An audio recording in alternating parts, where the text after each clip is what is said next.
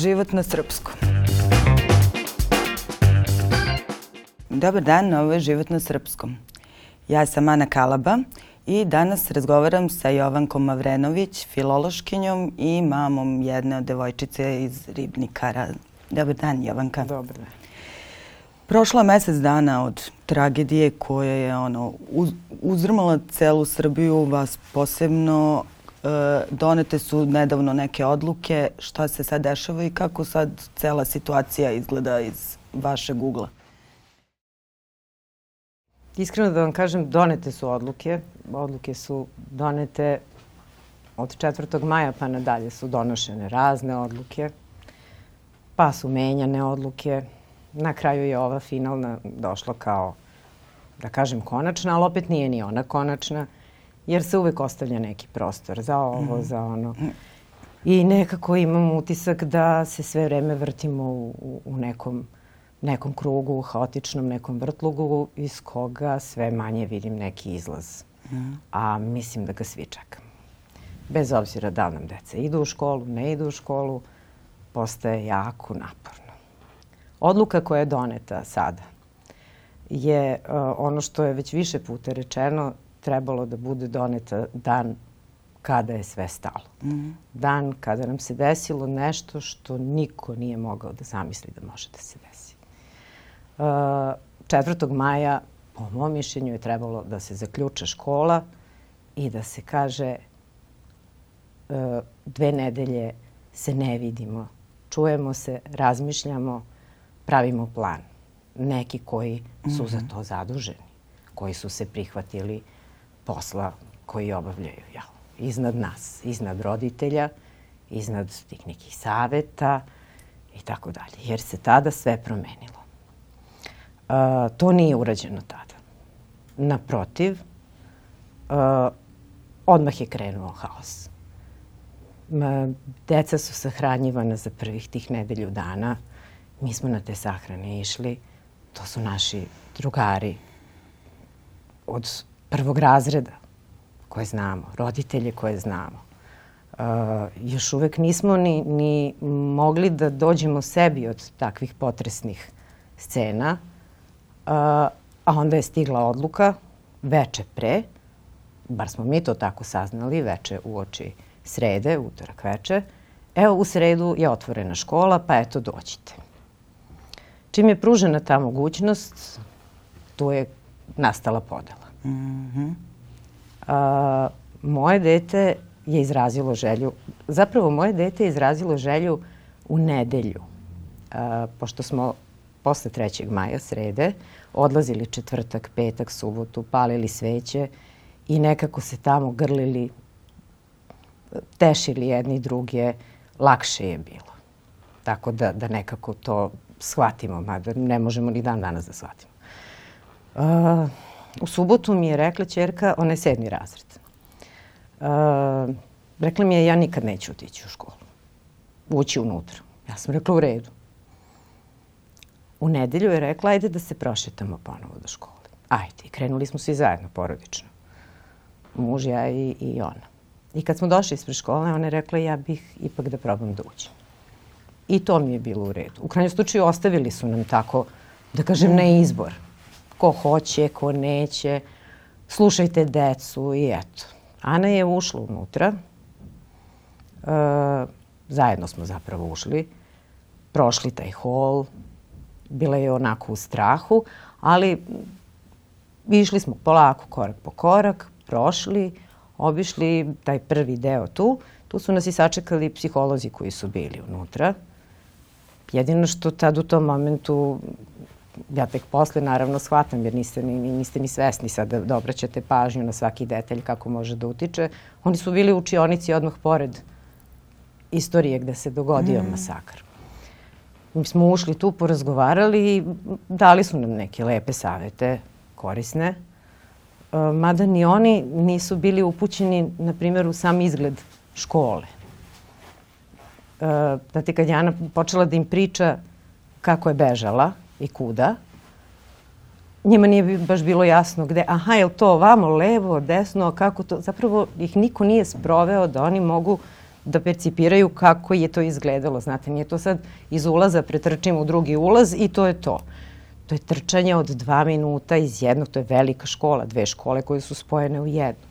Trčanje jednim hodnikom, spuštanje ni stepenice, trčanje drugim hodnikom, prolazak do drugog objekta gde trče sa malima, izlaze na ulaz, odlaze, to traje. A u njihovim glavama ne mogu ni da zamislim koliko dugo traje.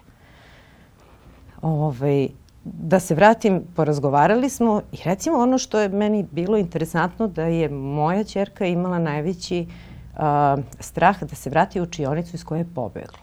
Čak i nije toliko ni pogodilo, mislim jeste, ali ne u toj meri koliko je imala strah, uh, nije pogodila istorija koliko taj strah da se vrati tamo odakle je počela da beži. I onda smo otišli i tamo.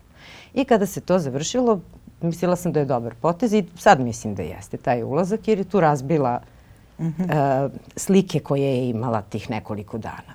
Na šta to tamo liči, kako to izgleda i tako dalje. I tu je malo razbila taj strah. Obišli smo dvorište, sve, izašli i to je bilo u redu. I bilo joj je bolje.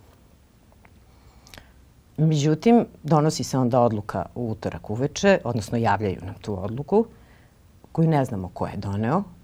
To moram stalno da potenciram jer ja ne znam ni za jednu odluku, ne ja nego roditelji, ko je doneo odluku, ko je bio nadležan, je li to tim neki, je li to neki ljudi imenom i prezimenom, jedan čovek više, ne znam.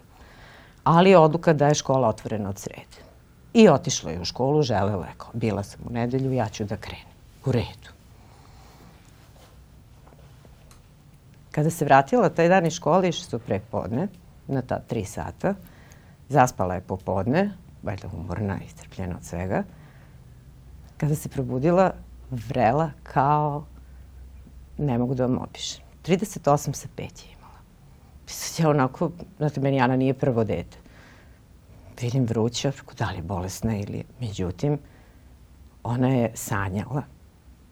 Sanjala je da je Juri, isti dečak, da je Juri na Cvetnom trgu, da je ušao za njom u kafić, da je ušao u toalet kafića i da je tamo ubio. To je bio njen san. Probudila se potpuno izbezumljena. Sa bolom u stomaku, s temperaturom i tako dalje. Posle dva sata mi smo to razgovarali, smirili, prošlo je, a smo shvatili da je to bila reakcija na odlazak u školu. I naravno sutradan nije otišla. E sad, to je ono što pomenju kao tu retraumatizaciju, tako? I mi smo sve to u hodu učili te izraze, šta sve može da se desi. Niko nas nije na to pripremio, prosto, eto, Nama se desilo odmah. Gde nije ni to bio kraj, posle nekoliko dana, u ponedeljak Ana ponovo otišla u školu. Rekla, ok, idem ja ponovo. Bila je na času, kada je ušla nastavnica i saopštila 15. maja da je i poslednja devojčica koja se borila za život preminula. To im je saopšteno na času. Vrlo, kako bih rekla, nepažljivo. Uh, I nakon toga se vratila kući i rekla ja ne mogu više. Meni tamo nije prosto prijatno. I to je to.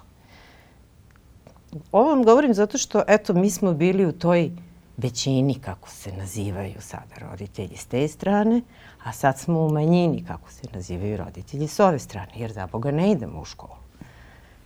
Ne našim nekim posebnim izborom, nego situacijom u kojoj smo se našli. A do podele je došlo upravo zbog toga što neko nije na vreme stao, razmislio i rekao hajde da vidimo šta je najpametnije učiniti za svu decu. Ovo što se desilo mom detetu može i najverovatnije, ja se nadam da neće, ali možemo da očekujemo da se desi i drugoj deci koja idu u školu. Za dan, dva, mesec, dva. To će tek vreme da pokaže. Roditelji kojima deca idu u školu su ubeđeni da je to prava stvar. Jer da su oni dobri, dobro, jer deca kažu da su dobro. Ja bih volela da malo bolje razmisli jer je moje dete reklo da je dobro. Mm -hmm. Ali se u momentu pokazalo da to uopšte nije tako. Nisu oni svesni kako to može da utiče na Zato mi je žao što smo se negde podelili jer više ne delimo ni ta iskustva. A mislim da bi to bilo jako značajno. iskustva kako se osjećaju naša deca. Da deca među sobom deli iskustva. Oni koji se najbolje razumeju, koji su zajedno bežali tim hodnicima taj. Došli smo do toga da smo potpuno podeljeni i to više nije čak ni podela. To je sada već do te mere, da kažem, zadrtost da, da ne prihvatate ni, ni jedan način komunikacije, mišljenja drugog, ne mi idemo, ne mi ne idemo, ne možemo, ne možete vi nas da terate, ne možete vi. I to se pretvorilo u jedan potpuni javašluk, mislim, bez ikakvog smisla i bez plane. A opet, kažem, ne postoji niko ko će kaže stanite ljudi, dajte, i vi ste svi pod stresom. Mm -hmm. I roditelji i deca. Nastavnici kao treća grupa ljudi tu, koje vrlo redko pomenju, su bili heroji tog dana. Vi imate nastavnike koji su zaključavali učionice, stavljali klupe. Neki su decu uvlačili, neki su s njima bežali. Imate nastavnike koji su prvi ušli u tu učionicu i proveravali kako su deca. Ja ne mogu ni da zamislim horor u njihovim glavama. Mm. Sa čim će oni morati da žive i da se bude svaki dan. A naravno, neću sebi da dam za pravo da mnogo pričam o roditeljima koji su izgubili decu taj dan, jer to ja ne mogu rečima da kažem, niti mogu da zamislim kako je njima. Prema njima imam samo duboko poštovanje i saosećanje. I eto, 30 dana kasnije imamo odluku. Kakva je odluka? Sve škole u Srbiji se zatvaraju, otprilike preko sutra. I šta smo napravili? Nastavnici opet u haosu. Kako sad da zaključujemo ocene? Šta? Niko nije očekivao tako nešto. Nije bilo nikakve najave pre koje je trebala da bude. Škola je trebalo da se završi, ali nekako mnogo pažljivije, mnogo inteligentnije i mnogo empatičnije prema svim učesnicima u ovoj tragediji. Vi ste o tome i pisali u jednom nedavnom tekstu gde u svom ovom haosu, gde stvarno se čini da niko nije znao kako da reaguje, od nadležnih preko ali e, podvukli ste ljudskost, poštovanje. Šta vas je tu? Pa upravo me to, to me nagnalo. E, da, Jer da- čini da... se iz, i da s neke s druge strane da jeste probuđena neka empatija, da je, cela Srbija je bila onako u, u, delila istu tugu. Uh, a šta je ono što je vas razočaralo toliko? Razočaralo me to što smo dozvolili da... Ja ne mislim da su ljudi neempatični koji decu šalju u školu. Mislim da to nije u redu reći. Uh, ja mislim da oni samo imaju svoj način bega od onoga što se mm -hmm. desilo i od onoga što može da se desi potencijalno i njihovoj deci, kao što se desilo mom. E, nekako volela bih da porazmisle, da malo više obrate pažnju u narednom periodu koji može da bude jako dug, to znamo iz drugih nekih primera. Ovo se nije desilo kod nas, ali su se slične stvari dešavale u svetu. E, mislim da, da je prosto reakcija ljudi različita, kao što smo svi različiti, kao što smo, sam vam rekla i, i pre ovoga, znate, ne možete deset ljudi da se dogovori oko neke banalne stvari, a kamoli mm -hmm. ovi hiljadu, odnosno dve hiljade roditelja da, da bude složno. Iz tog razloga mislim da je bilo apsolutno neophodno da neko iznad nas to preuzme na sebe i da nam svima kaže kako, šta da radimo svi zajedno. Isto tako nisam očekivala da to urade sutra, preko sutra, četvrtog, petog, šestog. Ne, mi smo sahranjivali decu, mi smo bili u šoku. Cela što vi kažete, zemlja je bila u šoku, a kamoli ova deca koja su bila taj dan tu, koja su bežali i njihovi roditelji, koji smo ih sačekivali na trgovima mm. i, i, i bili van sebe od toga šta se dešava. Ove, ovaj, trebalo je, po mom mišljenju, kažem, da se napravi pauza, pa i ti nadležni da kažu, ljudi, staćemo. Znate, ja kad ne znam šta da uradim, i u kući i u porodici, kad ne znamo, kad imamo neki prokaže, ajde da razmislimo, ajde da prespavamo, Ajde da nađemo najbolje rešenje. Ne srljate tako. Pogotovo sa, sa nečim sa čim se susrećete prvi put, a koje toliko brutalno pogađa najranjivije, najranjiviji deo društva. Uh, taj propust u pauzi gde je moglo da se dobro razmisli, konsultuje, pita, kao što sam, što vi kažete, napisala, nauči, uh, da ta određena grupa ljudi, tim nekih stručnih ljudi koji su se i prihvatili tog posla, vlast, uh, lekari, bez uplitanja mnogo roditelja koji su preživeli. Znate, mislim da ljudi koji su pod traumom takvom ne mogu racionalno dovoljno da donose odluke mm. u tom trenutku. Kao što se i pokazalo. Jedni ovako, drugi ovako. Ja sam jedan dan mislila jedno, drugi dan drugo. Samo ja. Ja i dan danas nisam sigurna u neke svoje odluke. I negde nam je tu trebalo, trebalo nas je usmeriti. A za to je bilo potrebno jedno vreme da se i ti ljudi i sa vlasti i struka i svi saberu, mm. sednu zajedno i kažu e, ovako će biti najbolje. A za to vreme vi se odmorite. Mislim, ja često kažem, mi smo imali koliko puta sezonu gripa. Pa se produži raspust dve nedelje. I niko nikad nije pravio problem oko toga. Imamo radne subote, ovamo, namo, i dve nedelje se ne igra. Zašto je bio problem dve nedelje da se od 4. maja puste i deca i roditelji da sahranimo decu, da žalimo, da plačemo, da se saberemo te kockice koje, koje, koje su se potpuno mm. raspršile.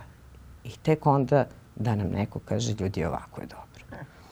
Drugo, mi smo dobili pomoć pruženu i ja se zahvaljujem na tome. Zaista su lekari izašli svi na teren, ali su bili upućeni da budu u školi.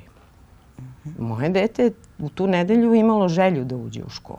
I na taj način smo i porazgovarali sa nekim. Vi imate decu koja ne mogu da prođu ulicu. Dan danas. Šta sad treba da im neko kaže vi niste hrabri? Ili ne, ne razumem. I sada kad kažu možete da popravljate ocene do 20. Mm. Kako da popravi ocene? Da dođe u školu? Pa opet to nije rešenje. Tako da smo, čini mi se, na nekom ne istom, ali manje više, ne na istom mestu, ali na manje više u istom haosu. I umorni smo, i izmrcvareni, i mi, i deca. I taman mislim da je neki kao kraj, nešto će da se desi, ali i dalje se ništa ne dešava. A u nedostatku adekvatnog odgovora nadležnih tih nekih institucija, ne znam, ču, čitala sam, čula sam za neka iskustva roditelja koji su uh, tražili neke druge načine da svoju decu samo iščupaju iz svega ovoga što se dešavalo, odnosno da im ponude nešto drugačije, da ih nekako ono, e, jeste vi tražili neku pomoć, nalazili? Kako ste se vi borili tokom...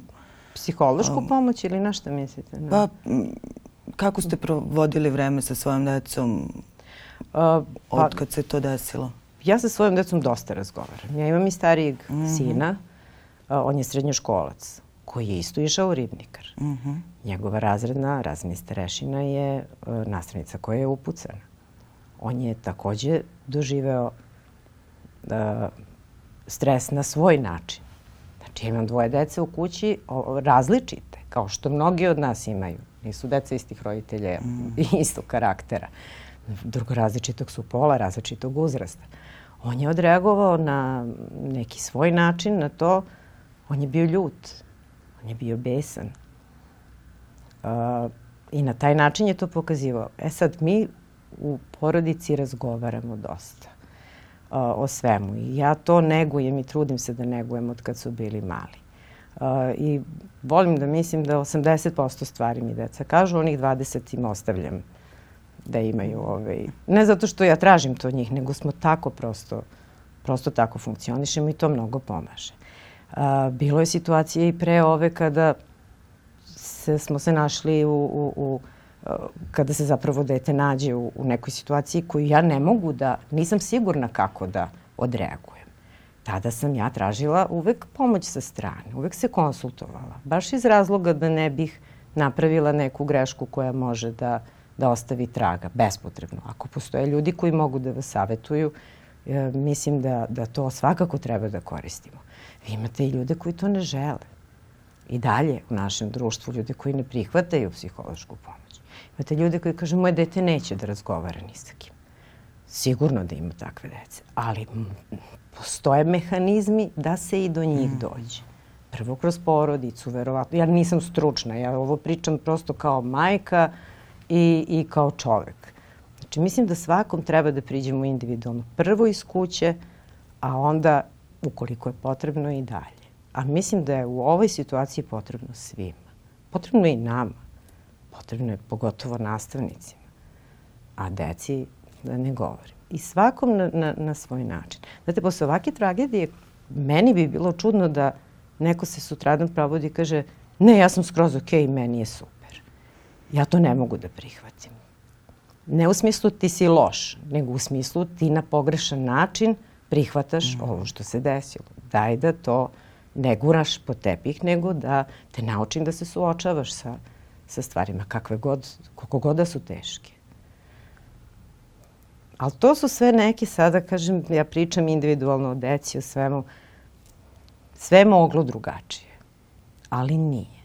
I došli smo do toga što ste me pitali da smo izgubili jednu po jednu osobinu osnovne, odnosno ljudskosti koja nas krasi. A to je ta empatija. Kad kažem empatija, ne mislim na roditelje koji šalju u školu. Empatija upravo tih koje, koji, su, koji trebalo da odlučuju o tome. Empatija u smislu ti ljudi su strahovito pogođeni i mi moramo da ih razumemo. Ja decu učim empatiji tako što uvek kažem sačekaj, stavi se na mesto ovog drugog, pa razmisli kako bi se ti osjećao. Da su oni imali prvo malo te empatije, ne bi otvorili školu sedam dana kasnije. Mm. Tri dana ili dva dana posle sahrane. Znate, to je bilo vam pameti. Ali smo mi kao, kad vam neko kaže slušajte struku, struka kaže pa dobro, ajde. Ne razmišljajući, vi ne, to je ono što vam kažem, ne mogu roditelji u tom trenutku da razmišljaju normalno. Ja sa ove tačke sada bih rekla ne dolazi u obzir. Mm -hmm. Sačekaj još malo da porazgovaramo, da vidimo. Ali u tom trenutku ja sam svoje dete pustila. I ja sam spremna da kažem da je to bila greška. Nije bila greška da uđe i da razbije svoj strah kako to izgleda, ali je bila greška da se pravimo da je sve okej. Okay. E, to I da je škola kao sada okej, okay, sad ja idem u školu. Skraćeni časovi, ali ne, nije okej. Okay. Imali smo situaciju, to su me dosta na društvenim mrežama sam imala komentare, to je bio prvi post koji sam stavila uh, na, na Instagram. Ja slabo stavljam te, se bavim društvenim mrežama, ali sam ušla u, u e-dnevnik. Uh, e sad ja da bih ušla u e-dnevnik da vidim ocene sina svog, meni prvo na istom je nalogu, prvo mi izađe uh, čerkin, mm -hmm. pa onda moram da kliknem na sina. Prosto da objasnim zašto sam uopšte ušla na njene dnevnik. Znači, on mi prvi izlazi. To je bilo upisano 11. maja, ocena iz francuskog, dvojka je bila. Ja sam bila zgrožena. Ne dvojkom, nego uopšte da je neko otvorio e-dnevnik i upisao bilo šta u njega. Deset dana kasnije. Mm. Ja nisam mogla da shvatim. Ja sam zamišljala tu scenu, šta sad, ti sedneš, otvoriš to i otvoriš dnevnik. U tom dnevniku su imena dece koje nisu sa nama više. I šta preskočiš pa daješ ocene za ostale. Odreagovali smo na to. Ljudi Videla su, sam ja to na... Da. Ljudi su ovi odmah naravno krenuli. To je sad onaj deo koji kažem najlakše i za tastature i mm. znate ne vidi vam se lice kao bitne su vam ocene, ono ja sam rekla, ja nisam majka od juče. ja imam i starije dete. Nisu ovo ni prve jedinice, dvojke, trojke, petice. Uopšte nevažno. Meni nije bio jasan takav potez, takav čin bilo kog. Otišli smo u školu da vidimo čemu je problem, kako se, mm -hmm. kako se došlo do toga da se uopšte bavite administracijom. Dobili su nalog nastavnici da upišu sve zaostale ocene. Dobili su nalog zato što je najavljena prosvetna inspekcija. I mi se sad vraćamo na to. Znači, ajmo sad da počistimo sve da bi, mislim, po cenu čega. Tu možemo da govorimo i o empatiji, i o inteligenciji i o integritetu tih nastavnika. To nisu svi nastavnici uradili. Neki jesu, neki nisu. Ja neću ni njih da osuđujem. Neki ljudi su u strahu više i oni su pod, pod strahom bili. Pa kad ti neko kaže ti uradiš, pa, ono, pa, pa posle shvatiš da to nije Da, okej. da. Posle su ocene obrisane kada smo mi reagovali. Jer smo rekli, ste vi normalni, šta radite, čime se bavite? Deca su nam mrtva, pa nemojte da, da pišemo dnevnike. I tako su se, prosto kažem, na- brzajući u svemu, samo produbljivali problemi, a pre svega ti problemi između roditelja, odnosi između roditelja, na roditeljskim grupama, naša je gotovo zamrla i bojim se ako neko postavi nešto da će da razbukti opet u tom nekom sukobu, Uh, a sve se lomi na deci. I sad je, o, mi, ovi idu, ovi ne idu. Budi Bog s nama. Većine i manjine. I eto, mi smo bili i većina i manjine i nije mi lepo ni ovamo ni onamo. Nije mom detetu lepo zapravo, ni tamo ni ovamo. A evo sad su rekli gotova škola i šta dalje? Pa ajde da vidimo šta dalje. Evo, gotova je škola kad sutra, s tim što je ostavljen prostor da se, da se dalje popravljaju ocene ili van nastavne aktivnosti. Ok, slažem se ako misle da će to da bude. Ja ne mogu da odlučim, ja ne znam. Ja ću opet da slušam svoje dete, ali sa malo većom pažnjom i malo e, ipak e, malo manjom slobodom, da kažem, za njeno odlučivanje, ali ću se truditi da, da ispratim njene želje. Znate, nije rešenje ni da kažem ne možeš, onda će biti zašto ne mogu. Idu tamo. Znate, već mač sa dve oštrice, vrlo je, vrlo je nezgodno. Ali se nadam da će negde naći bar deca taj zajednički jezik. A za roditelje, onog momenta kada, kada su počele do te mere i do tog gubitka osnovne pristojnosti u samom razgovoru među roditeljima, da smo tad stvarno dotakli dno.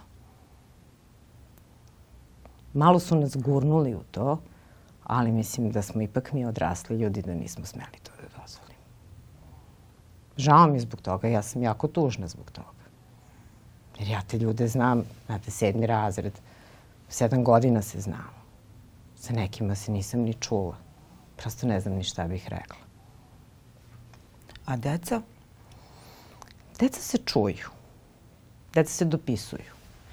Neki se viđaju na tašu, to im prija, mom detetu to prija. Uh, spavaju jedni kod drugih. S tim što je opet, moram da priznam, više ovi koji ne idu među sobom i više ovi koji idu sobom. I to je trenutno tako. Nadam se da će da se promeni to u narednih Mislim, to je ono što ja kažem, ja se uvek nadam nečemu malo, malo da, da, da, da mora da se pokrene. Kad smo već na dnu, vi nemate kud dalje. Morate valjda negde da se pokrenete na gore. Da ćemo ne, neku, neki način naći da se, da se seberemo i da, da, da se korak po korak vratimo. Prvo da postanemo pristojni prema, jedni prema drugima, a onda da gradimo sve dalje. To neko poštovanje, jedan ljudski razgovor, a nakon toga da se razumemo kako je tebi, kako je tebi, kako se ti boriš s tim, kako s tim. A ono što je najvažnije, ja opet se vraćam na početak. Moje dete je imalo reakciju posle prva dva, tri odlaska u školu. Neko dete sigurno sam će imati kasnije. I to ne sme da promakne. To kasnije može da bude i za mesec, dva, tri, pet. Ne znam kako će da izgleda u septembru. Eto. Plan je, koliko sam pročitala, više iz medija nego opet, kažem, mi smo vrlo neobavešteni od strane škole. O upravi neću ni da govorim jer nisam nikog ni čula ni videla istu koji vi. Neko nam se nešto posebno nije obratio. Možda jedan dopis sa potpisom direktorke je bio, ne sjećam se povodom čega. Ove, da će biti rekonstrukcija škole, deo škole memorialni centar i tako dalje. I to je sve lepo na papiru sročeno, kao što bude i svaka odluka vlade i to je odluka vlade. I sve se ovo dešava kao odluka vlade zbog gubitka dece, zbog smrti dece, nasilne, brutalne smrti dece i Dragana. Dragana našeg koga ne mogu da, da vam opišem kakav je čovek bio. Ove, rekonstrukcija škole do septembra. Ja se nadam da će to da uspe. Ja nisam videla u Srbiji da se rekonstruisala bilo koja zgrada za dva meseca. Ako uspeju, svaka čast. Memorialni centar, mislim da niko ne treba sebi da daje za pravo da uh, govori o tome u kom delu, u kojoj meri i kako treba da izgleda do roditelji koji su tu decu tamo iskupili. Koji su ih taj dan ispratili u školu i nisu ih sačekali iz škole. Memorialni centar je apsolutno posvećen njima i njihovoj deci. I ja ne mogu da zamislim da moje dete uđe na taj ulaz i ide u školu kao da se nije ništa desilo. Njene dve jako dobre drugarice su tu ostavile život. To je strašno. Ali to, kažem, bih ostavila i mislim da bi bilo najbolje rešenje da se to uradi i odluči u konsultaciji sa, sa roditeljima stradale dece. Pominjalo se i kao rešenje da se zatvori škola i da bude memorialni centar. Mislite kompletna škola mm -hmm. sa sve drugim delom tamo? To se pominjalo i to jeste stav nekih roditelja. Uh, ja ne mogu sa, prosto sa nekom sigurnošću da vam kažem koje je moje mišljenje. Ja se ne vežem za zgrade. Znate, ja nemam tu vrstu, ne znam ni kako bih to nazvala, ne razumem ljubav prema, prema zgradi. Imam ljubav prema ljudima, prema životinjama. Ali ako ta zgrada toliko boli i smeta, nemam problem i da se zatvori i da se pretvori u nešto drugo. Ali opet kažem, to pre svega treba pitati ljude koji su najstrašnije pogođeni. Uh, koliko sam ja shvatila, memorialni centar bi bio ovaj deo zgrade u kome se desio uh, masakar, a ovaj drugi bi ostao da radi. Uh, vidjet ćemo. Uh, s obzirom na iskustvo od ovih 30 dana, odluke se donose i menjaju malte ne na, na svakih 2, 3, 4 dana. Tako da šta će biti, ja ne znam. I ko će o tome da, da brine, ja ne znam. Znate, vi nemate ministra prosvete, praktično ga nemate. Vi nemate tim. Bar ja da znam koji je tim imenom i prezimenom. Vi imate savjet roditelja koji non stop izlazi i napravili su od sebe neku instituciju. Ja ne znam da li su ljudi svesni koja je uloga savjeta roditelja. Ja recimo ne znam te ljude. Uh, ok, oni su se ponudili da to rade. Mislim da su se uhvatili jako velikog posla, ali njihova uloga nije toliko uh, kako vam kažem, nije značajna u toj mm -hmm. meri.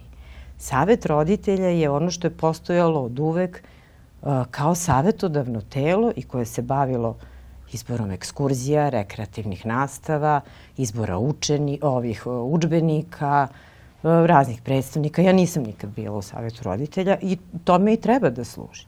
Ali kad se desi ovako nešto, gde više niko ne zna kako se postupa, pa vi tu Ne možete da se pojavite kao savet roditelja koji odlučuje. Ne odlučuje. To mora da odluči neko mnogo iznad toga. Jer i u tom savetu roditelja su ljudi koji su manje ili više pogođeni ovim. Pa ne mogu oni da odlučuju u tom trenutku bilo što. Niti imaju ta prava po statutu, po, po, po zakonu. Oni ne odlučuju. Oni su, prosto nisu za delo te vrste. Oni jednostavno mogu da savetuju. Tako da vidjet ćemo, ne znam šta će da bude. Ne, kažem vam, znam koliko i vi, koja je odluka vlade, koji je plan, da li će to i kako da se sprovede, ne znam. A šta ćemo sa decom, takođe ne znam. Ja verujem da će ljudi neki decu seliti iz škole. Postavlja se sada Jeste pitanje. Jeste vi o tome razmišljali? Uh, palo mi je na pamet i to sam pitala svoje dete. Da li bi da, da promeni školu? Ona je rekla u ovom trenutku ne, nikako. Ja kažem zašto? Uh, ja ne, ne, bi, ne mogu sve iz početka. Novo društvo, nova pitanja, sve novo. Mislim da su preumorni. Možda će promeniti mišljenje u toku leta. Ja ću, to ćemo već, a možda i mi. Mislim da nam treba vremena. Svima nam treba vremena da ovo više prođe. Verujte. Tako. Mi smo nenaspavani, izbombardovani raznim informacijama, dezinformacijama, lošim informacijama, zakasnelim informacijama, gde ni ne stignemo da razmislimo oni, o, to, e, to. I onda ste potpuno sluđeni. I mi i nastavnici. Nastavnici koji, ponavljam, su heroji tog dana.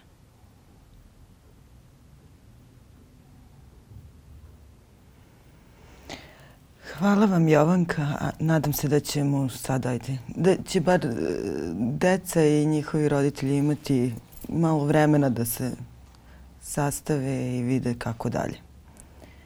Hvala, jer treba da se, da se čuju sve strane. Ja kažem, nisam, ja nisam ni na jednoj strani. Ja ne želim da budem ni na jednoj strani.